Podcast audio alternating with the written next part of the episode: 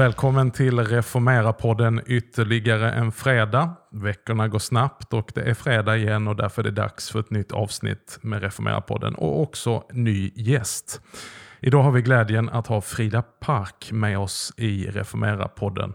Hon är opinionsredaktör på tidningen Dagen och säkert är det många av er som har stött på hennes texter. Vi ska ha ett spännande samtal med Frida här idag. Välkommen till Reformera-podden Frida. Tack Magnus, tack. Du eh, sitter med oss i Dalarna. Tänk att min hustru kommer från Kvarnsven i Dalarna. Jaså? Oj, Men... du pratar om Borlänge-mål. Vad trevligt. Där är det fint. Men du kommer inte från Dalarna? Det hör jag ju. Nej, nej, jag kommer ju inte från Dalarna. Jag är ju född utanför Stockholm, men jag har bott i Dalarna i 20 år någonting sånt där. Hjälp vad, vad gammal jag kände mig nu. Um, så att jag, om jag pratar med någon härifrån, då sjunger jag ju direkt. Eller om jag pratar med en göteborgare. Då Men kom... nu pratar jag med en skåning, ja, så då, du... då hamnar jag i... Bör, börjar du prata skånska då eller? Det, det, nej, nej, nej. Det hade väl varit höjden av det kommunikativa gåvan och ådran? Ja, alltså det, jag är ledsen va, det ligger lite för långt bort med både diftonger och skorrande är. Så du får stå för detta vackra och jag står för någon konstig stockholmsk dalmål ja, det, det, var, det var snällt sagt att du sa så, men vi vet att du menar tvärtom. Men okej. Okay. Frida, berätta lite personligt. Vem är du? Förutom opinionsredaktör, det är ju kring den uppgiften och tjänsten som vi ska landa sen i vårt samtal. Men vem är Frida Park? Uh, ja, alltså den där frågan tycker folk är jättelätt, det tycker inte jag. jag Frida Park är ju då... Jag, jag, är gift med min man Daniel som är mas. Han är liksom härifrån Dalarna från början. Och mm. så har vi tre barn. Eh, 8, 14, 16. Mm. Och eh, vi bor utanför Leksand eh, och har precis flyttat tillbaka hit efter att ha bott fyra år på vackra Ekerö i Stockholm. Men Dalarna drog framförallt nu under pandemin så märkte man ju att eh, förhållandevis bra går det nog ändå att jobba hemifrån då och då. Så jag ja, veckopendlar vissa dagarna ner. Eh, men jag är i botten legitimerad lärare, svensklärare. Eh, så det, mitt huvudämne är svenska, men jag, men jag har jobbat mycket på låg och mellanstadiet och då har man ju i princip alla ämnen förutom då de praktiska estetiska. Eh, så. Mm. Så det, det, är min bakgrund och sen är jag ju, eh, hamnar jag i den här eh, skrivarsvängen när jag var gravid med sista barnet och var väldigt uttråkad eh, och satt och började twittra. Det tyckte jag var kul. Det var Twitter ja, som förde dig in på denna bana alltså? Exakt, så var det. Jag, jag, man kunde, på den tiden, nu är det lite mer deepöl, mm. men på den tiden kunde man ju prata med, med hög som låg och vem som helst och alla svara och det var jag fick ett fantastiskt nätverk där du kände människor och fick ett utbyte. Lärde mig väldigt mycket också. Nu när, eh, nu när du säger det, nu när du säger det så tänker jag att jag kommer ihåg det faktiskt. Att du var väldigt aktiv och syntes både här och där på Twitter. det kommer du ihåg. Ja, nu, oh, nu, nu kopplar jag ihop det. Ja, just det. Jag, nu. jag ska ta fram några gamla tweets här. Nej, gör inte det. Men du, sen började du skriva för någon annan tidning va? Ja, men precis. Det var på Twitter så var det en redaktör här i Dalarna eh, för Dalarnas tidningar då, Falukuriden mer känt som, som fångade upp mig och skrev kan inte du börja skriva för oss? Och jag fattade inte ens vad, vad frågan handlade om. Jag trodde det handlade om att jag skulle skriva om föräldraskap. Liksom. Jag var ju helt upptagen i min gravidhjärna med sånt. Mm. Nej, jag vill att du ska göra, eh, som han sa då, konservativa samhällsanalyser. Spännande. What? Ja, och sen så, men det kunde ju inte jag låta bli att nappa på, att eh, skriva några provtexter och sen var det igång faktiskt. I Dala-Demokraten? Nej, i Dalarnas tidningar. Ah, okay. Dala-Demokraten är ju, det, den är ju den här S-märkta tidningen Ja, det var, där, det var därför jag inte fick ihop ah. det här med konservativa. ja, men vet du, det, det som är så roligt med den här, Jens Rundberg heter han som är politisk redaktör där, och jag har försökt lite grann ta över det arvet även i vår tidning, att han tänker så här att Eh, har man en, en, en stor majoritetsposition, eh, i dels del i Dalarna då, för vår del i kristenheten är ju vi störst, mm. så har man också ett ansvar att visa på bredden och Mm. att ge, låta andra röster få utrymme. Sen kan man ju absolut argumentera emot dem, men så han lejde liksom allt ifrån rött och grönt och gu- gult, jag på att säga, alla möjliga till att skriva på ledarsidan på krönikörplats då. Ehm, Så att, så att flera röster skulle få komma till tal. För han verkligen, verkligen trodde på det demokratiska samtalet. Och det där har färgat mig. Så att jag, jag ju- tror att det är jätteviktigt. Det är ju ett väldigt spännande förhållningssätt i denna tid då man renodlar identitetspolitiken och gräver skyttegravar. Det är ju en, en klok väg att gå. Ja, han är klok Jens. Eh, och jag, jag tror att det ligger någonting i detta att, att våga läsa andras infallsvinklar och andras argumentation som vi i kristenheten verkligen behöver ta till oss av också och ännu mer uppmuntra till, eh, både teologiskt och ideologiskt, att läsa sånt som kanske inte står allra närmast oss, men för att utmanas och Ofta så blir det väl inte att man ändrar sig utan att man tvärtom känner sig mer trygg i var man står. Och det är ju inte negativt, tvärtom. Men eh, Precis. vi behöver möta varandra, förstå varandra tror jag är jätteviktigt.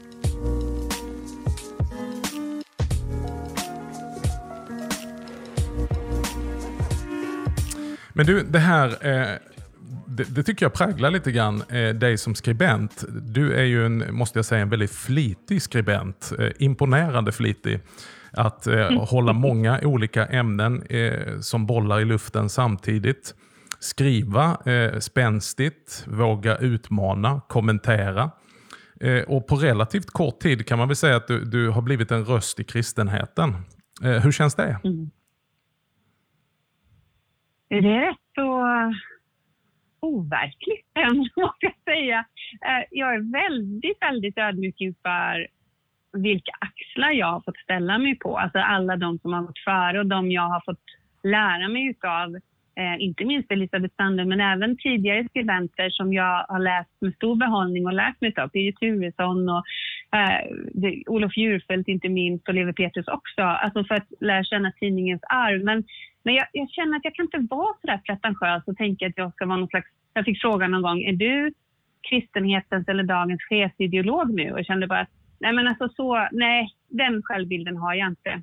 Mm. Utan eh, jag, jag, jag skriver liksom mycket utifrån en slags inre kompass där det ju såklart är väldigt viktigt att lyssna både inåt och uppåt och, och ha sitt team runt omkring sig. Men, men något, något för pretentiöst anspråk på att vara någon jättestor och röst och chefsideolog, det, det är väldigt främmande för mig. Jag är fortfarande liksom eh, mamman, eh, frun, eh, gräsroten, församlingsengagerad kristen som bryr mig och är väldigt engagerad. Det, Det är inte att- där är min identitet. Det är inte att ringakta. Men ändå måste jag ju flika in att dina texter är ju ofta väldigt ideologiska. Väldigt vadå? Ideologiska? Ja, precis. Ja, Alltså, i- på vilket sätt då? Nej, men i- Förklara hur du tänker. I positiv bemärkelse att du, du, Ja. du sätter ner foten, du vågar utmana. Senast var det, var det idag jag läste ditt genmäle, kan man väl kalla det, eller din, din kommentar kring eh, Gudmundssons, eh, eh, var det hans ledartext om Klara kyrka. Eh, Mm.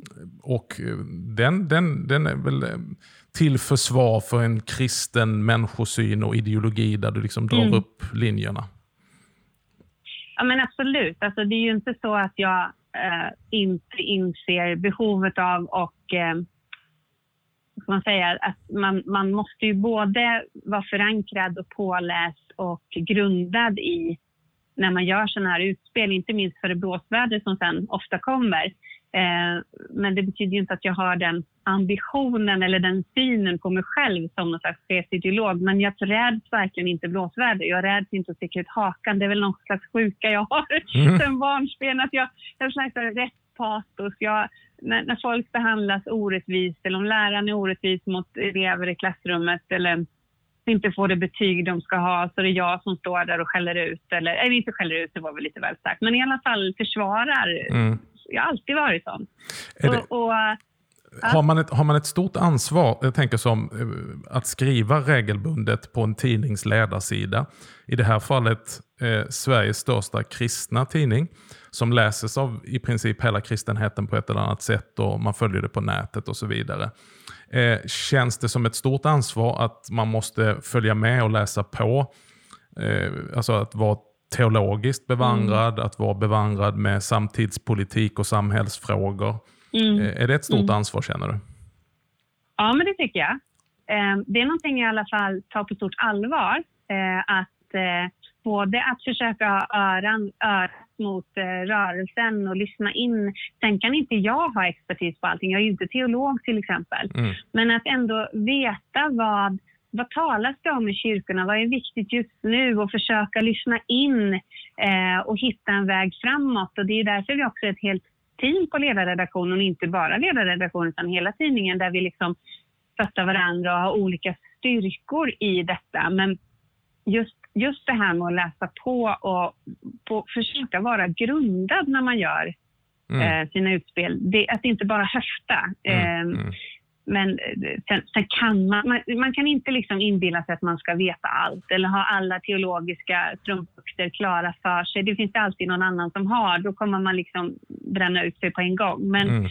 men självklart så är det ett viktigt ansvar att med en sån plattform som Dagen är, det är som du säger, det är Sveriges största kristna tidning, så det är, med det följer ett väldigt stort ansvar att vara noga i vad, vilka ämnen man skriver i, eh, vilka man väljer bort och hur man skriver tonläge, bildsättning, rubrik. Allt är, är liksom allt är ju viktigt, men, men man får inte låta det liksom, ja, det kan ju bli alldeles för stort att gå runt och tänka oj vad viktigt allting är hela tiden. Utan man, man får göra sitt bästa och be Gud om nåd när man, när man kommer till korta, vilket man gör ganska ofta. Ja, just det. Har det hänt, eh, nu ställer jag en sån här fråga som är jobbig att svara på kanske. Har det hänt att du har skrivit någonting och så, och så är det tryckt i tidningen och så känner du nej, nej, nej, nej, nej och du ångrar vad du har skrivit. Hur hanterar man det om det har hänt? Eller det har aldrig hänt dig? Vilken bra fråga. Eh, Jo, men det har hänt någon gång. Alltså, alltså så här, jag måste ju bara säga, det är klart att det händer. Det händer ganska regelbundet att man tänker, hmm, men åh, vilken bra respons jag fick utav den där personen på det jag skrev. Det där hade jag inte riktigt med mig när jag skrev, men det har jag ju lärt mig nu. Så nästa gång jag skriver så har jag ju med mig det. Alltså det är hela tiden en learning curve. Man kan ju inte tänka att texten man skriver ska vara perfekt och totalt uttömmande och det måste man ju både klara av att ha den självdistansen och liksom ödmjukheten inför att man inte är färdigtänkt någonsin. Men ja, jag har skrivit, om jag minns rätt så var det, det kanske handlade mer om en rubrik, men jag skrev en text en gång som handlade om uh, hans rondellhunden, Lars Vilks. Just det. Uh, Lars Vilks borde häckla kristna, hette den. Mm -hmm. och det handlade lite grann om det här med att han, han själv resonerar kring att orsaken till att han fokuserade på och kritiserade islam så mycket var att de hade ett stort anspråk, alltså att de ville påverka samhället. Mm. Medan eftersom kristna inte ville det, så mm. behövde han inte häckla dem. Eh, och då så skrev jag en text om detta att han borde häckla oss mycket mer utifrån då att kyrkan ska inte vara nöjd med en tillbakaträngd position utan vi ska ta för oss och vi har ett anspråk. Vi vill påverka samhället. Eh, och då vet jag att eh, Sakine Madon hörde av sig och sa, men Frida du vet väl att han har häcklat kristna och nämnde flera sådana konstverk och det visste jag ju. Mm. Men i formuleringen och i rubriksättningen så lät det som att han aldrig hade gjort det och då, det tyckte jag var lite pinsamt. Det var, mm. ganska, det var i början på min gärning också. Och men, men jag tänker så att jag har nog gjort så många misstag att jag har liksom lärt mig att leva med det. Du har lärt dig att leva med det? Ja, precis. Nej, men det ja, går ju snabbt på en tidning. Det är, ju, ja. det är ju liksom hela tiden att förhålla sig till deadlines och så vidare. Så att...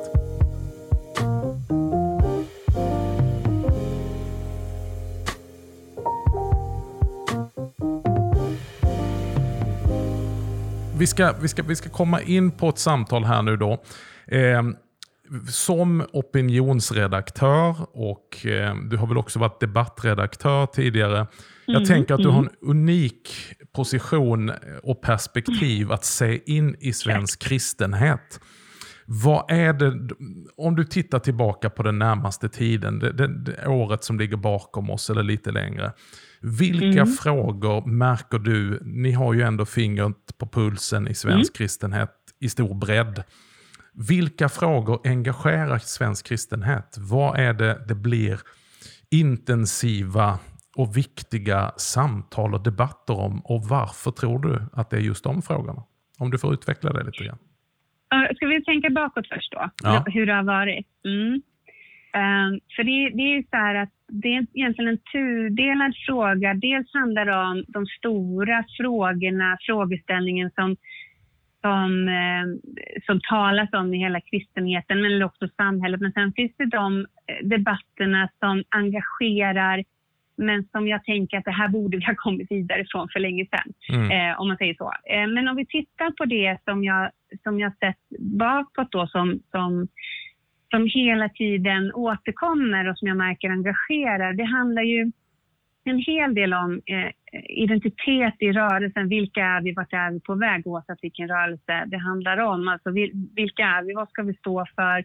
Vad har vi stått för? Behöver vi omförhandla i vissa teologiska spörsmål. Eh, kanske specifikt nämna där då samkönade äktenskap är ju en sån fråga som hela tiden bubblar upp och där en del har valt att lägga locket på, det här ska vi inte prata om och andra menar vi måste ta i den för annars kommer frågan ändå lösa sig av sig själv mm. genom mm. generationsskifte. Och, eh, det är en sån specifik fråga som eh, engagerar i kristenheten och också polariserar på ett sätt som, som är olyckligt och där vi menar att eh, det här samtalen behöver föras med, mm. med, med teologiskt djup. Att våga eh, se de, de frågor som ställs på sin spets i det här. Bibelsyn till exempel, synen på synd.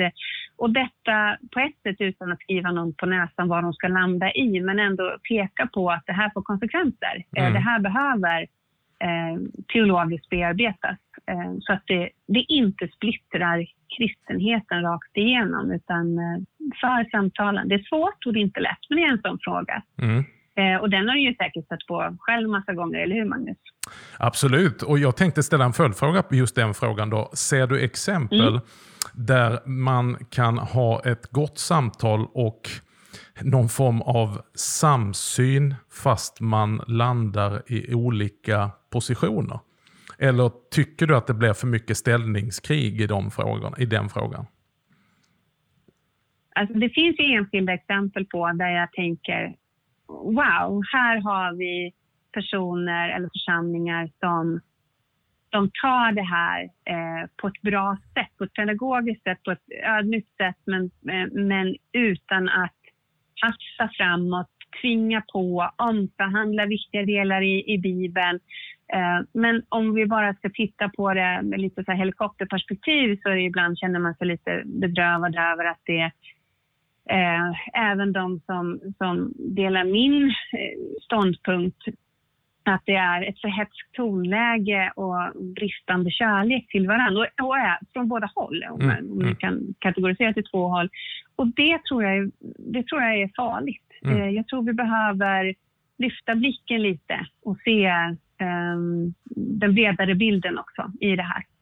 Men det är en fråga. älska varandra. Det är en mm. fråga som är identifierad. Det är en, en av de frågorna som mest engagerar svensk kristenhet. Ja, ja, oh ja den engagerar. Men också, eh, men också frågor kring...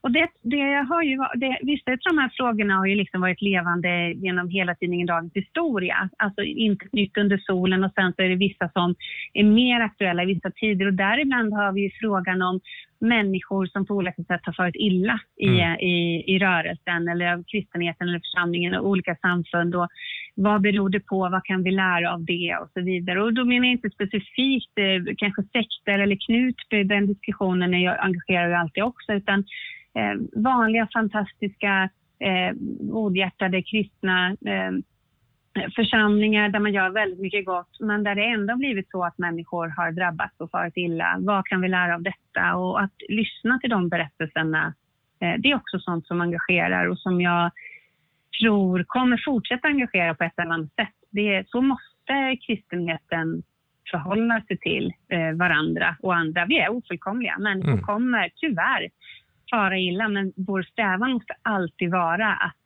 leva eh, så som Jesus lärde oss att leva och ha omsorg eh, om de utsatta. Man kan inte bara köra på och tänka att lite synd får man räkna med. Eh, Nej, men jag tycker den är det intressant. Är det, det, är ett intressant perspektiv när man själv också har gjort en resa eh, och, och rört mig i olika sammanhang. Och, men också har reflekterat över, så tänker jag att Ett steg vidare i den debatten, eller det samtalet och rapporteringen, är ju också att inte bara titta på vad som har hänt, utan mm. att ännu mer borra i varför händer detta? Mm. Eh, upprepade tillfällen. Eh, mm. Och i, faktiskt kan vi väl säga, eh, inte sällan just framgångsrika sammanhang som ena mm. dagen lyfts fram som exempel och mm. nästa stund som ett avskräckande exempel. Då. Vad är mm. det för eh, mekanismer eh, som sätts igång så att man inte bara liksom konstaterar här blev det fel och det här ska vi akta oss för. Samtidigt som mm. man, precis samtidigt som man skriver det jobbar vi för att vi ska ha växande kyrkor, att vi ska ta vår plats mm. i samhället, att vi ska få engagerade medlemmar.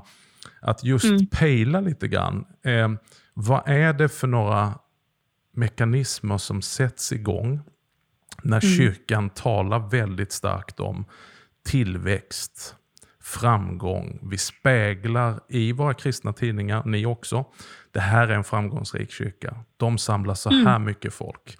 Vi lever mm. i ett varumärkesbyggande.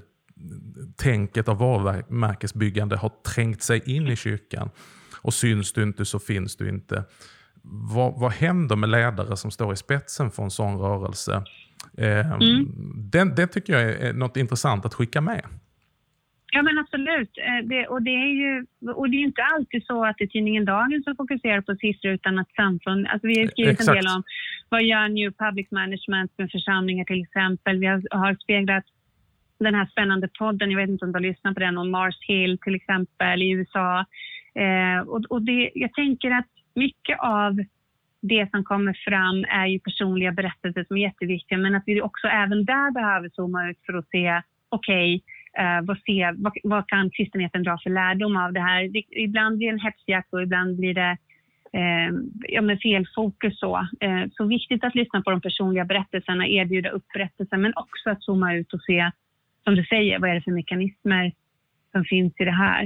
Eh, men jag, jag, du nämnde där att det här med att man uppmuntrar kristna att ta plats i, i samhället liksom, och, och eh, vara frimodiga. Och, och, det är min andra spaning, att det är någonting eh, som men då tänker jag vad som har varit aktuellt under förra året och kommer fortsätta vara aktuellt, nämligen att kristna, alltså sekulariseringen i Sverige fortgår ju. Alltså mm. kristenheten trycks tillbaka, men det här engagerar inte i tillräckligt hög grad. Så din fråga var ju ställd, vad är det som engagerar? Mm. Och här mm. säger jag, här är vi för lite engagerade, eh, men det fortgår. Så där tänker jag att där behöver vi ju men det är en väldigt, upp. Det, det, är en viktig spaning och, och, det är jätteviktigt det du säger där, för jag tror det har med varandra att göra. Jag tror ju mm. att sekulariseringen av vårt samhälle är en direkt resultat av att sekulariseringen har gått så långt i våra egna sammanhang. Mm.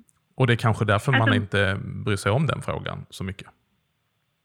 Alltså, vad, som är, vad som är höna och ägg, det får kyrkohistorikerna re, eh, liksom, reda ut.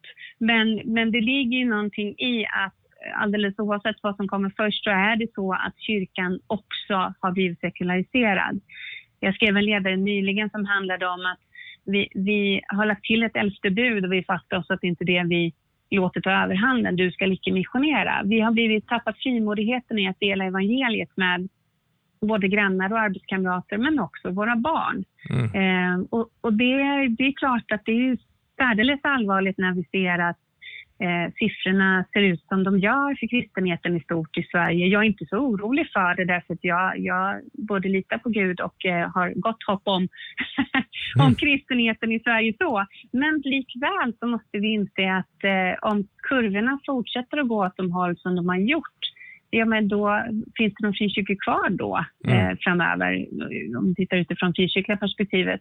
Eh, men även Svenska kyrkan har ju röda siffror som inte, inte riktigt återhämtar sig. Eh, och det är ju det tror jag har med sekulariseringen att göra. Men vi behöver också, inte bara evangelisation, men vi behöver också inse att när eh, man från samhällets håll, från politiskt håll eh, genomför inskränkningar gentemot kyrkan då behöver vi säga ifrån. Vi behöver vara medvetna om vad det får för konsekvenser på lång sikt. Och då pratar jag inte i första hand om vaccin, eller, vad säger, pandemiåtgärder, även mm. om det mm. också är viktigt att ha med sig. Utan, eh, nej men, kyrkan ska inte synas, kyrkan ska inte vara i det offentliga samtalet, kyrkan ska inte få påverka politiken, kyrkan ska inte, kyrkan ska inte vara politisk överhuvudtaget.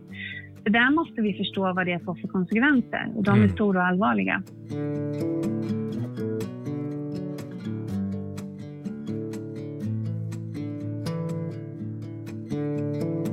Du, vilken fråga tycker du eh, har varit svårast att arbeta med och skriva om? Är det något speciellt ämne där du säger att åh, eh, som man gärna skickar vidare och säger kan inte du ta den istället? Finns det något sånt område där du känner att det här är svårt? Du menar internt på redaktionen? Så här? Vad Nej, jag men alltså, tänker att det där får du skriva Ja, men alltså ett ämne, ett ämne som, ja. som, som mm. det här är svårt att, att skriva om och det blir lätt fel. Finns det något sånt? Um, alltså om du frågar mig personligen så är, det, det, finns inga ämnen direkt som jag skyr därför att jag tycker att de är svåra på ett personligt plan. Däremot så finns det så här, jag är inte så intresserad av Alltså ursäkta nu alla som tycker det här är roligt, men jag är inte så intresserad av ekonomi. Jag är inte mm. så intresserad utav eh, alltid det som händer på EU. Det är jätteviktigt, men mm. jag är inte så intresserad så att jag sätter mig in i det fullt ut och sen kan värpa en text på nolltid, utan då kräver det lite mer utav mig. Mm. Och då lämnar jag gärna över det till en kollega när det väl behövs. Men det hindrar inte att jag ser det som väldigt viktigt. Men sen är man ju olika intresserad av saker och ting. Men eh, jag kan ju tänka så här att flera av de texter jag skriver, eh, framförallt när jag var ny, var ju svåra därför att många av ämnena är ju sådana som alltid väcker reaktioner. Jag får ju, det är ju få texter jag skriver där jag inte får ett, ett eller flera arga mejl med mm. både det ena och andra innehållet. Och, eh, eh, som verkligheten är för opinionsbildare, för ledarskribenter, men främst också kvinnliga journalister, så är det ju inte så jättemånga som har av sig åt andra hållet. Och där får man ju lära sig att man får inte vara beroende av bekräftelse, utan man ja, får ha en inre kompassen på plats. Liksom. Eh, och det är klart att det kostar på att skriva om abort. Det kostar mm. på att skriva om samvetsfrihet och, och, och även det här exemplet Per Gudmundsson och, och ska Sankta Clara stänga kyrkan för tiggare eftersom han menar att det är trasproletariat ja, eh, och så vidare. Och, och och det, då får man ju, även om Per i sig är en fantastiskt trevlig människa, så finns det ju människor som gärna läser honom som inte är det. Mm. Och som då blir upprörd för att jag säger emot. Och, och, den verkligheten finns ju även åt andra hållet. Att det kan ju finnas människor som håller med mig och tycker att det jag skriver är bra som beter sig illa mot Per. Så det är en utsatt position att vara opinionsbildare. Det är att vara pastor och lärare eller vad som helst också. Vi har ett kallt samhälle. Mm. Du Frida, tiden går, går fort när man har kul. Eh, men... Ja, men inte möjligt. Jo, det är väldigt möjligt. Men du, vi ska, vi, ska, vi ska ha en till här. Jag är väldigt spänd utifrån då den här breda utblicken du har. Vad gör du för kyrkliga spaningar inför framtiden? Vilka frågor är det som kommer till att dyka upp och bli viktiga och centrala i, i det kristna samtalet framåt? Vad gör du för någon spaning? Ja, men bra. Eh, jag tror ju att, eh, och det, allting hänger ihop med det jag sa tidigare, alltså det som var viktigt förra året. Men jag tror ju att hur har pandemin påverkat kyrkorna kommer mm. inte längre handla så väldigt mycket om att vi har trötta pastorer och det är allvarligt nog. Eller vi, vi når inte ungdomarna och det är väldigt allvarligt. Utan det kommer behöva ta ett stort grepp på hur hittar vi tillbaka och hur är vägen framåt. Blev det en coronaväckelsen därför att människor pratade mer om existentiella frågor och längtade efter att höra om Gud? Mm. Eller blev det en pandemisekularisering, alltså att även kyrkorna tappade bort och tappade vanorna? Mm. tappade den här viljan att komma till församlingen. Det kommer vara otroligt stort och viktigt för kyrkorna att ta tag i. Eh, och viktigt att visa på hopp och visa framtidstro och tron på evangelium. Men sen eh, på ett mer samhällspolitiskt arena, vi är ju ett valår och mm. jag tror att flera frågor kommer komma upp som kommer vara, ha direkt eh, koppling till kristna. Eh, och det handlar ju, vi har ju dödshjälp som ligger runt hörnet och mm. det är mm. en fråga som är viktig för kristna. Människovärdet där. Eh, vi har också, eh, striden står om de konfessionella friskolorna. Ska mm. det få finnas skolor med, med, som kallas för en kristen skola eller muslimskola överhuvudtaget. Det, det, och, och allt det här kokar ner till och hänger ihop med religionsfrihet också och, och, att kyrkan vågar ställa sig upp och stå för vad den tror på i det offentliga rummet också. Det finns många, många fler frågor som jag skulle kunna lyfta, men det här är några som ligger överst i mitt huvud just nu i alla fall. Ja, men spännande. Och vilka inomkyrkliga frågor tror du det kommer till att debatteras och stridas mest om den kommande framtiden? Jag hoppas att det inte blir lovsång. för, det, för det är en följetong annars va? Det är en följetong och det är en av de frågor som jag tänker, här borde vi ha kommit längre. Både i att förståelsen för våra olika identiteter och bakgrunder och också eh, respekten för människor som står i en tjänst att, eh, att leda oss i lovsång. Eh, men, men det var ju skämt åsido med detta. Men jag, men jag tror att vi kommer behöva fortsätta prata om det här med identitet, eh, prata om bibelsyn, prata om synen på synd, och då i det här exemplet som jag nämnde förut, mm. till exempel samkönade äktenskap. Men absolut främst då, hur ska vi hitta nytt mod och ny kraft efter eh, eller under pågående pandemi. Vi ser ju inte någon, inom överskådlig framtid något slut på den direkt. Mm. Eh, och hur ska vi tackla detta?